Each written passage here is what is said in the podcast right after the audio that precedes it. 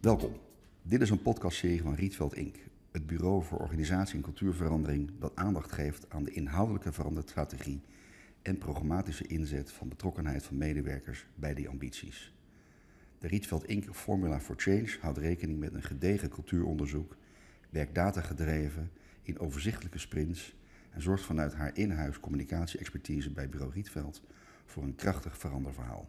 Welkom bij de tweede podcast in de serie van Rietveld Inc. over de kracht van netwerkanalyses. Vorige week hebben we gesproken over wat netwerkanalyses inhouden en hoe die een heel actief hulpmiddel zijn voor organisaties om de verborgen krachten en energie in organisaties boven water te halen. Om daarmee ook veranderprocessen goed te kunnen bemensen en de juiste wensen van mensen ook te kunnen identificeren. Vandaag spreek ik verder met Loes over netwerkanalyse als hulpmiddel bij organisatie en cultuurverandering in de brede zin van het woord. Loes, uh, vorige week hebben we veel geleerd over waar netwerkanalyse, hoe, hoe jij ertoe gekomen bent om dat vanuit de sociologische achtergrond in te zetten met jouw wiskundige uh, skills en vaardigheden. Maar misschien vandaag als belangrijkste thema, hoe, hoe zorg je ervoor dat netwerkanalyse nou echt bijdraagt aan succesvolle cultuurverandering en organisatieverandering? Ja, dat is meteen de, de aanvraag. Uh, nou, ik denk, uh, laten we beginnen bij waarom dan, waar, waarom het vaak mislukt. Ja. Ik, denk, ik denk dat dat misschien om mee te beginnen goed is om bij stil te staan. En daar, ja, daar zijn natuurlijk, natuurlijk genoeg onderzoeken naar gedaan van wat dan de ja. belangrijke, belangrijkste redenen zijn waarom organisatie- en cultuurveranderingen mislukken. En uh, een van de redenen is een enorme toegenomen complexiteit van organisatie. Ja. Ik ken zelf een, een, een, een, een, getal dat, van, van de Boston Consultancy Group, die, die zeggen ja, het is ongeveer 35 keer complexer geworden, organisatie sinds 1955. Exponentieel.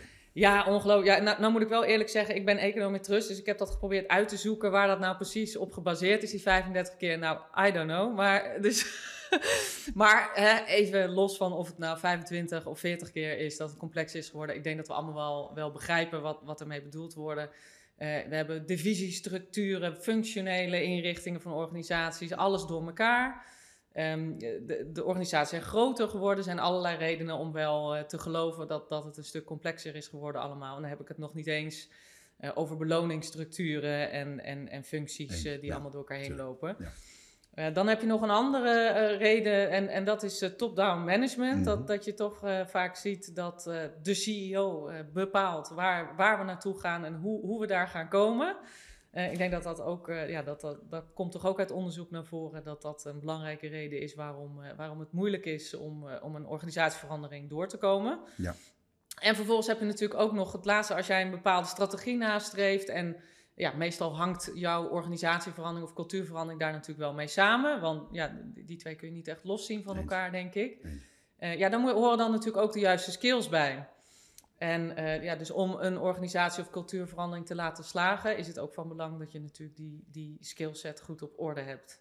Ja. Dus dat zijn in ieder geval uh, een aantal redenen waarom het in ieder geval uh, moeilijk is om je organisatie en cultuurverandering te laten slagen. Ja, dat zijn natuurlijk een beroemde uitspraak. Hè? Culture eats strategy for breakfast. Ja, ja dat het is, mooi. het, is, het is een enorm taai iets. Het is ook heel moeilijk vatbaar wat cultuur nou is en hoe die gevormd wordt door het gedrag van mensen. Ja. En vaak zijn natuurlijk die informele paadjes en de informele wijze hoe we die, hier dingen doen, vaak heel erg bepalend voor nou ja, de mate waarin mensen openstaan voor verandering en uh, een, een, route naar hopelijk een betere, een betere andere organisatieinrichting. Ja. En um, ja, onze ervaring is dat uh, mensen vaak wel bereid zijn om actie te ondernemen.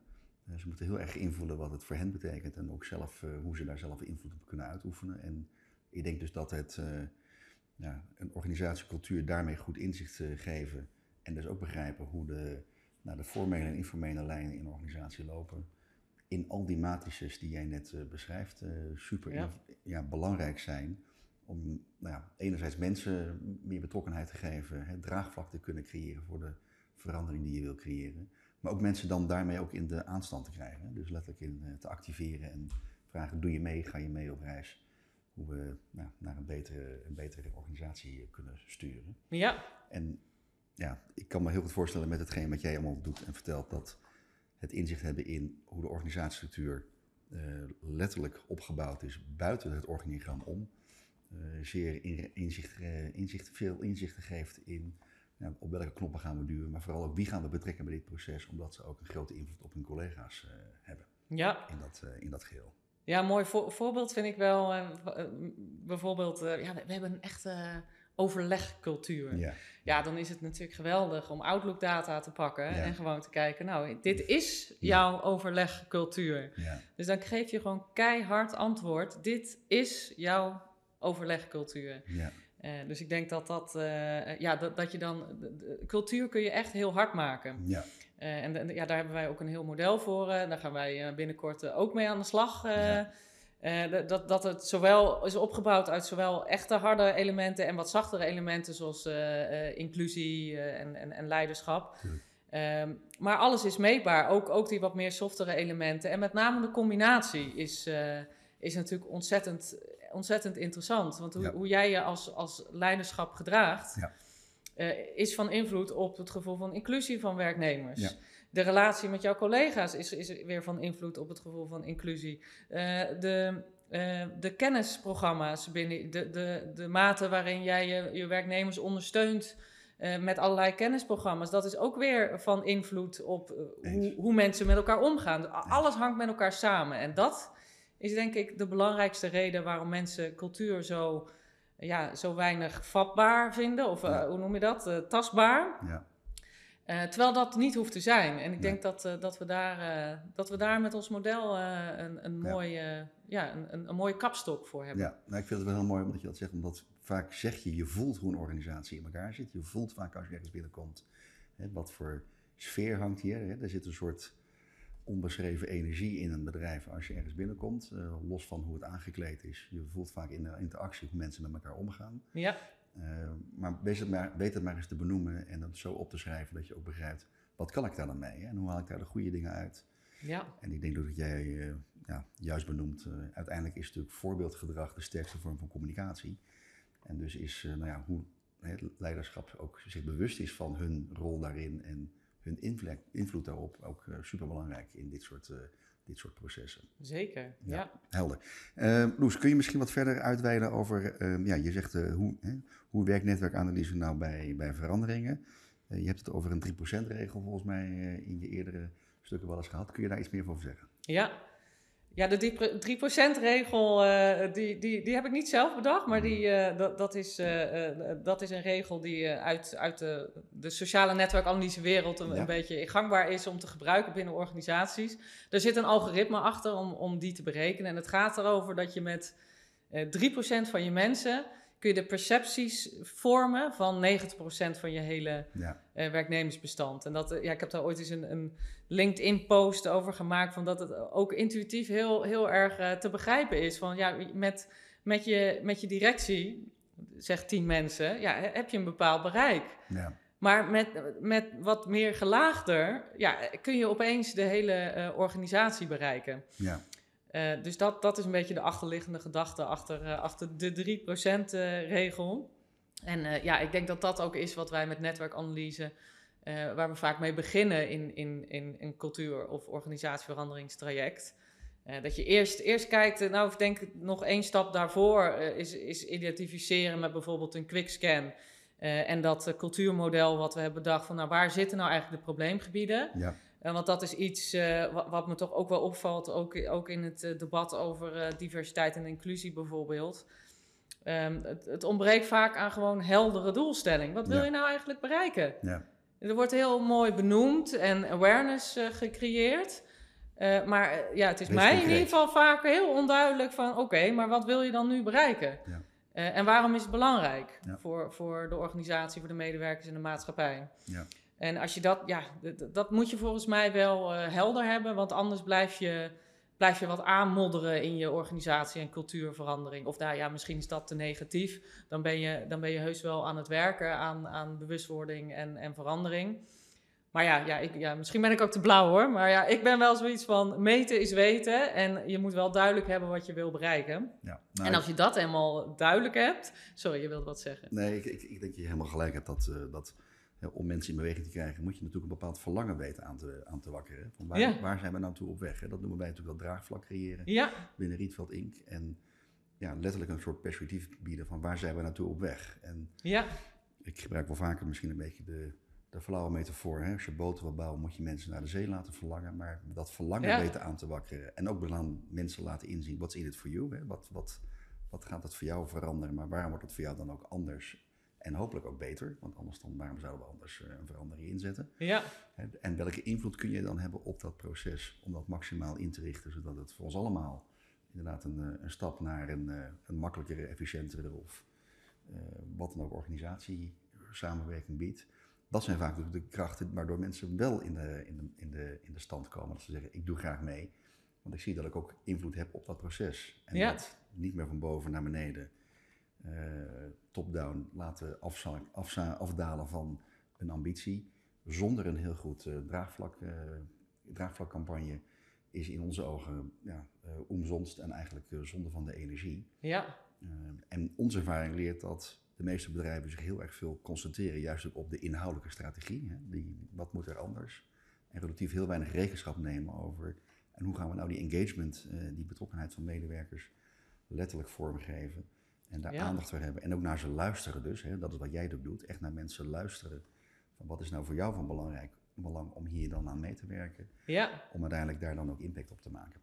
Um, dat is de basis, hè? Ja. Ja, en, het, en het, onze ervaring is dat als je daar dus letterlijk oog en oor voor hebt, dan ontstaat er iets heel moois. Want uh, ja, er komt vaak een enorme energieboost in de organisatie los. Omdat ze merken dat ze dus ja, letterlijk zelf impact hebben op die nou ja, op die aanpassing naar beter. Ja. Uh, en je kunt nooit alles, hè, net zoals thuis. Niet alles kan, uh, je kinderen mogen niet altijd alles. Maar als je ze laat meedenken in dat proces, ontstaat er vaak veel meer uh, ja, in, impact dan je, dan je zou verwachten.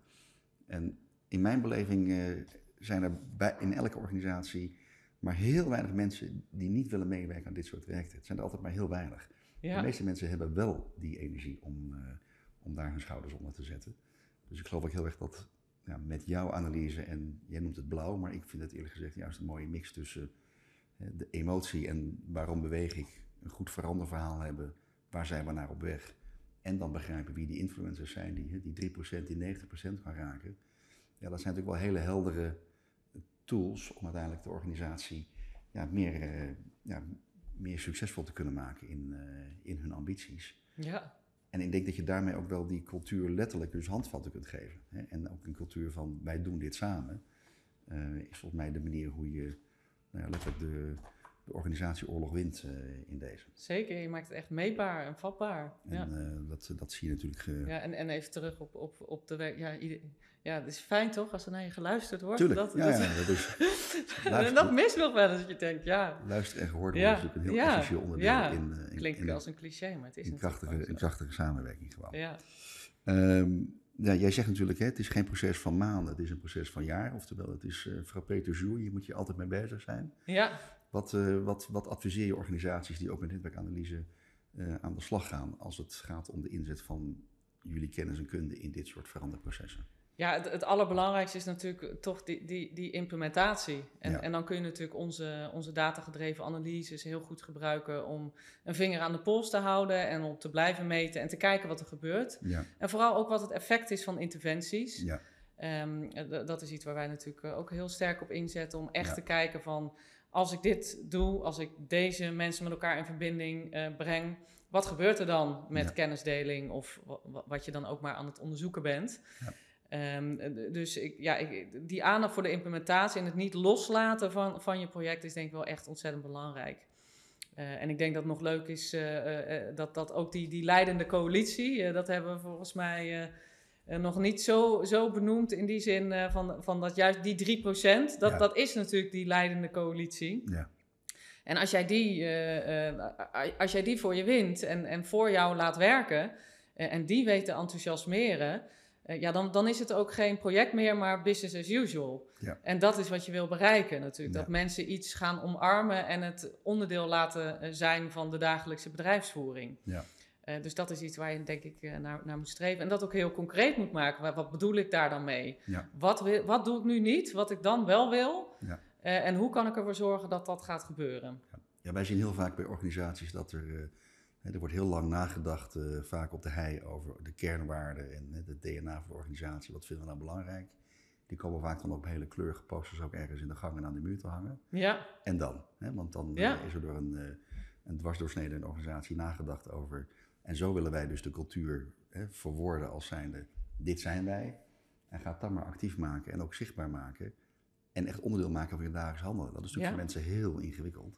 We willen allemaal Eh, open en eh, transparant zijn. Maar wat betekent dat, Kees-Jan? Want het is Ja, vaak toch een beetje Dat is het toch? als, ja, je wereld- moet het als wel, eh, wereldvrede. Niemand is tegen. Nee, precies. Maar de vraag is, hoe zorg je er dan voor dat het inderdaad onderdeel wordt van eigenlijk alles wat je doet. Ja, zonder dat je daar elke dag heel bewust bij na hoeft te denken. Ja, En eh, ik geloof dat daar ook weer een heel helder communicatie over wat het betekent het nou. En hè, ook dus in de cultuur elkaar feedback geven op dat soort, eh, nou ja, dat soort gedragingen. En dat, wat betekent het nou eigenlijk echt voor ons. ja, Super essentieel is vanuit leiderschap, maar ook vanuit medewerkers die naar boven toe feedback eh, kunnen en durven geven. Zich daar ook vrij en veilig in voelen. Heel belangrijk is om ja, die met elkaar dan ook invulling te geven aan dat soort ambities. ja, Want die kernwaarden die veranderen meestal niet met een strategie. Die blijven meestal, als het goed is, eh, eh, lange tijd eh, de kern vormen letterlijk van wie we zijn. Het is de, het is de innerlijke kracht van hoe de organisatie zichzelf graag neerzet. ja, Ook hoe ze talent van buiten willen aantrekken. Eh, maar wees daar dan maar eens heel bewust van hoe je daar dan ook letterlijk invulling aan geeft. En ja, soms kunnen hele simpele boodschappen of getallen of een bepaalde woorden of zinnen kunnen al helpen om aan te geven van hoe doen wij dingen hier nou? Weet je, waarom is dit nou voor ons zo belangrijk? En ik kan me voorstellen in jouw netwerkanalyse dat de mensen die vaak kort bij een organisatie zijn een hele andere blik ook hebben op hoe de organisatie functioneert. De mensen die natuurlijk al twintig jaar in een, eh, in een bedrijf werken. ja.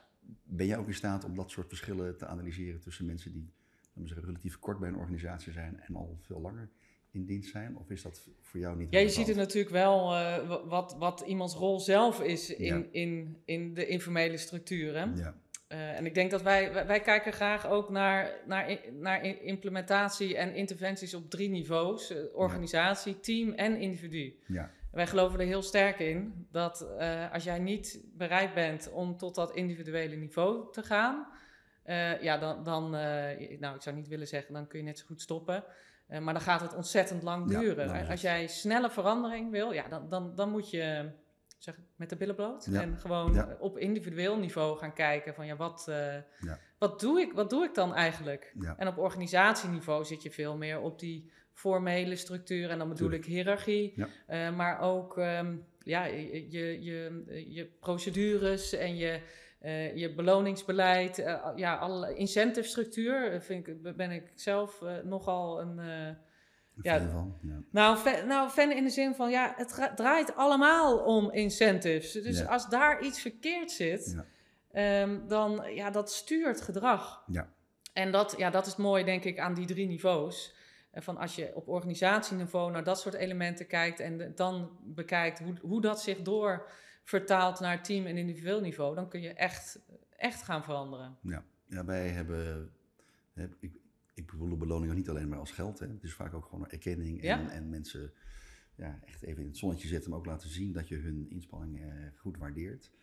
Ja, het works like jet fuel. Hè. Mensen die krijgen daar echt een boost door vaak. En eh, Ja, het helpt heel erg in nou ja, het, het momentum creëren en vasthouden in dat soort eh, processen in onze, is onze ervaring. ja, Dus ja, daar, ook daar goed ogen voor hebben is eh, in mijn beleving eh, onderdeel van goed leiderschap. ja, in veranderprocessen.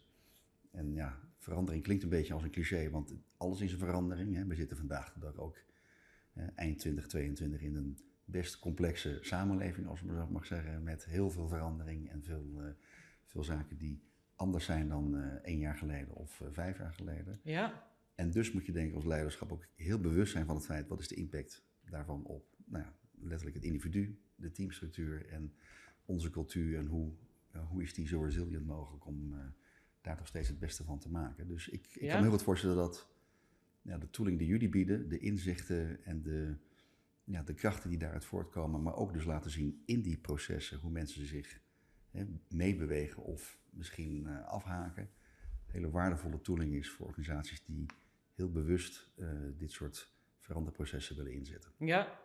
ja, kijk bijvoorbeeld maar naar ideeën of zo. Die, die, die, lopen vaak tegen het plafond van management-directie aan. Ja, dat, dat soort dingen, dat kun je natuurlijk prachtig mooi. en dat hangt dan weer samen met die incentives. Want als jij als MT geen enkel incentive heeft om niet jouw eigen positie ja, laten we maar uh, te beschermen of veilig te stellen. En, en ja, er, er, er, is niets wat jou stimuleert om eens een keer wat anders of eens een keer te experimenteren.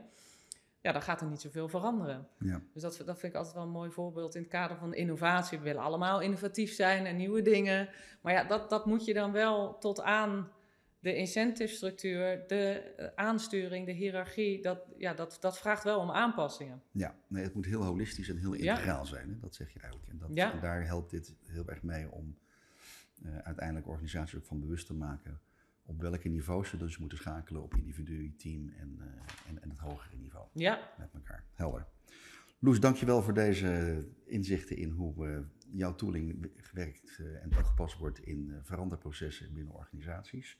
Uh, heel inzichtelijk hoe jij ook echt vanuit die analyse kijkt hoe je dus die olievlekwerking in een organisatie kunt helpen stimuleren, maar vooral ook gedrag uh, inzichtelijk maakt gedurende de fases van een proces. Want het is inderdaad een lange journey, het is nooit in één week voorbij. Je bent echt, uh, echt met elkaar in die zin op pad. En dan helpt natuurlijk af en toe die, die pijlstok erin en kijken hoe zich dat ontwikkelt op dat informele niveau en hoe die cultuur inderdaad de juiste kant uit beweegt. Eh, heel erg in het eh, realiseren van die, eh, die ambities rondom organisatiestrategie. Dankjewel voor je tijd deze keer en graag de volgende week zien we jou graag weer in de studio hier. En dan praten we volgende week verder over hybride werken. Luisteraars, tot volgende week.